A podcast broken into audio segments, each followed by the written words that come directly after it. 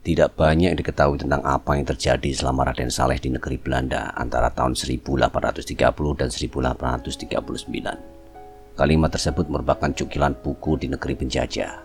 Orang Indonesia di negeri Belanda pada tahun 1600 sampai dengan 1950 karya Harry Buse, seorang peneliti Royal Netherlands Institute of Southeast Asian and Caribbean Studies. Mengutip penelitian arsip yang dilakukan The Lowe's Haxman, Buzi menulis, Raden Saleh memperoleh kesempatan langka untuk melukis potret sejumlah pejabat militer kerajaan Belanda yang kelak akan memberikan pengaruh besar pada kehidupan di Hindia Belanda. Dua di antaranya adalah Herman Willem Dendels dan Johannes van den Bosch. Puisi juga mencatat Raden Saleh, seorang pria Jawa dengan cepat diterima golongan elit di Eropa. Ia bergaul erat dengan petinggi-petinggi kerajaan Belanda, bahkan menerima anugerah bintang A. Kroon. Minimnya catatan Puze tentang perjalanan Raden Saleh selama periode 1830 hingga 1839 dilengkapi Theo Stephens melalui buku klasiknya yang berjudul Tarekat Mason Bebas dan Masyarakat di Hindia Belanda di tahun 1764 sampai dengan 1962. Stephen nulis pada 1836 Raden Saleh dilantik menjadi anggota tarekat kemasonan di Loji Bersatu kita kuat Endrach Macht Macht yang berada di Den Haag, Belanda. Peristiwa tersebut menurut Stevens menjadikan Raden Saleh sebagai warga asli Hindia Belanda pertama yang menjadi anggota kelompok persaudaraan kemasonan. Jejak langkah Raden Saleh sebagai pria asli Hindia Belanda di tarekat kemasonan diikuti Abdul Rahman, seorang keturunan Sultan Pontianak. Stephen berkata, Abdul dilantik menjadi seorang mason pada tahun 1844 di Logi de Vriendschap di sebuah kawasan yang kini disebut Surabaya. Stephen juga menggarisbawahi jejak empat pria mason asli Hindia Belanda lain. Keempatnya berasal dari Kesultanan Pakualaman. Pangeran Aryo Suryo Dilogo tercatat menjadi anggota Loji Mataram pada tahun 1871. Tak lama, usai pelantikan itu, Suryo Dilogo naik tahta menjadi Paku Alam kelima. Langkah Aryo bergabung ke tarekat kemasonan menurut catatan Stevens diikuti para keturunannya. Mereka adalah Pangeran Adipati Aryo Notokusumo atau Paku Alam ke-6. Kemudian diikuti Pangeran Aryo Noto Dirjo, Paku Alam ke-7, serta Pangeran Aryo Kusumo Yudo. Meski tidak menjadi pemimpin Paku Alaman, Aryo Kusumo sempat terdaftar sebagai anggota Rad Van Indi atau Dewan Hindia. Foto-foto tokoh terkemuka itu dimuat pada buku peringatan 1767 sampai dengan 1971 tulis Stevens. Kepada CNN Indonesia, pengamat kemasonan Sam Ardi mengatakan ketika itu para pria di keraton Pakualaman memiliki status sosial yang tinggi dibandingkan warga pribumi lain. Sebagai penguasa, Pakualam kelima dan penerus-penerusnya juga mempunyai akses langsung dengan warga Belanda, baik pejabat, ilmuwan, maupun saudagar. Sam juga menyebut keterlibatan aktif Bupati Semarang, Raden Mas Adipati Purbo Hadiningrat di Tarikat Kemasonan. Sam berkata, Purbo Hadiningrat berjuang agar masyarakat umum juga memperoleh peluang bergabung ke kelompok persaudaraan yang ia ikuti.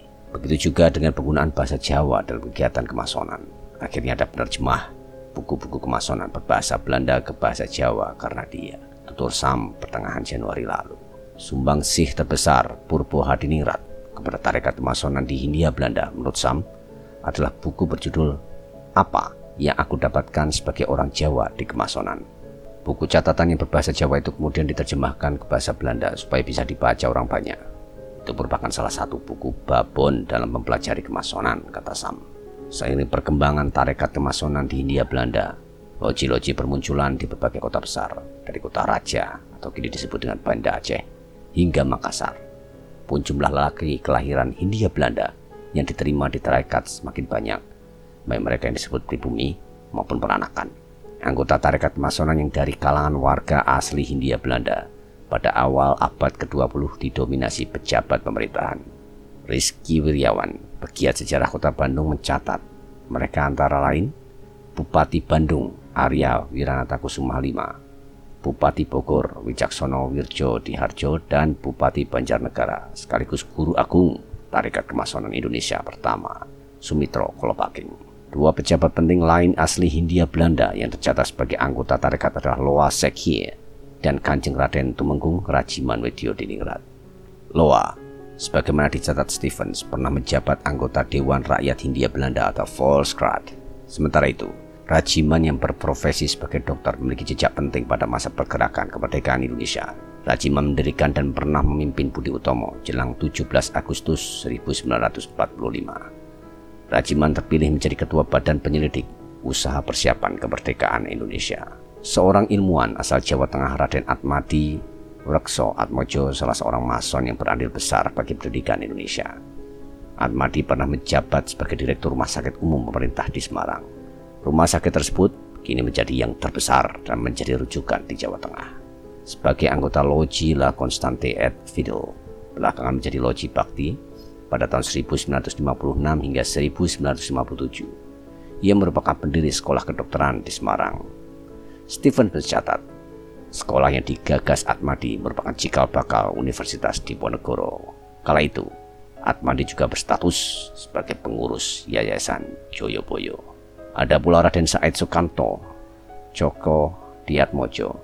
Stevens menulis, Sukanto telah menjadi bagian dari persaudaraan kemasonan di Hindia Belanda sebelum akhirnya diangkat Presiden Soekarno menjadi kepala kepolisian Indonesia pertama. Majalah kemasonan yang beredar di kalangan anggota tarekat India, Makonek Tristiev mencatat, Sukanto secara resmi mendaftarkan diri sebagai calon anggota Loji Purwo Daksina pada September 1953.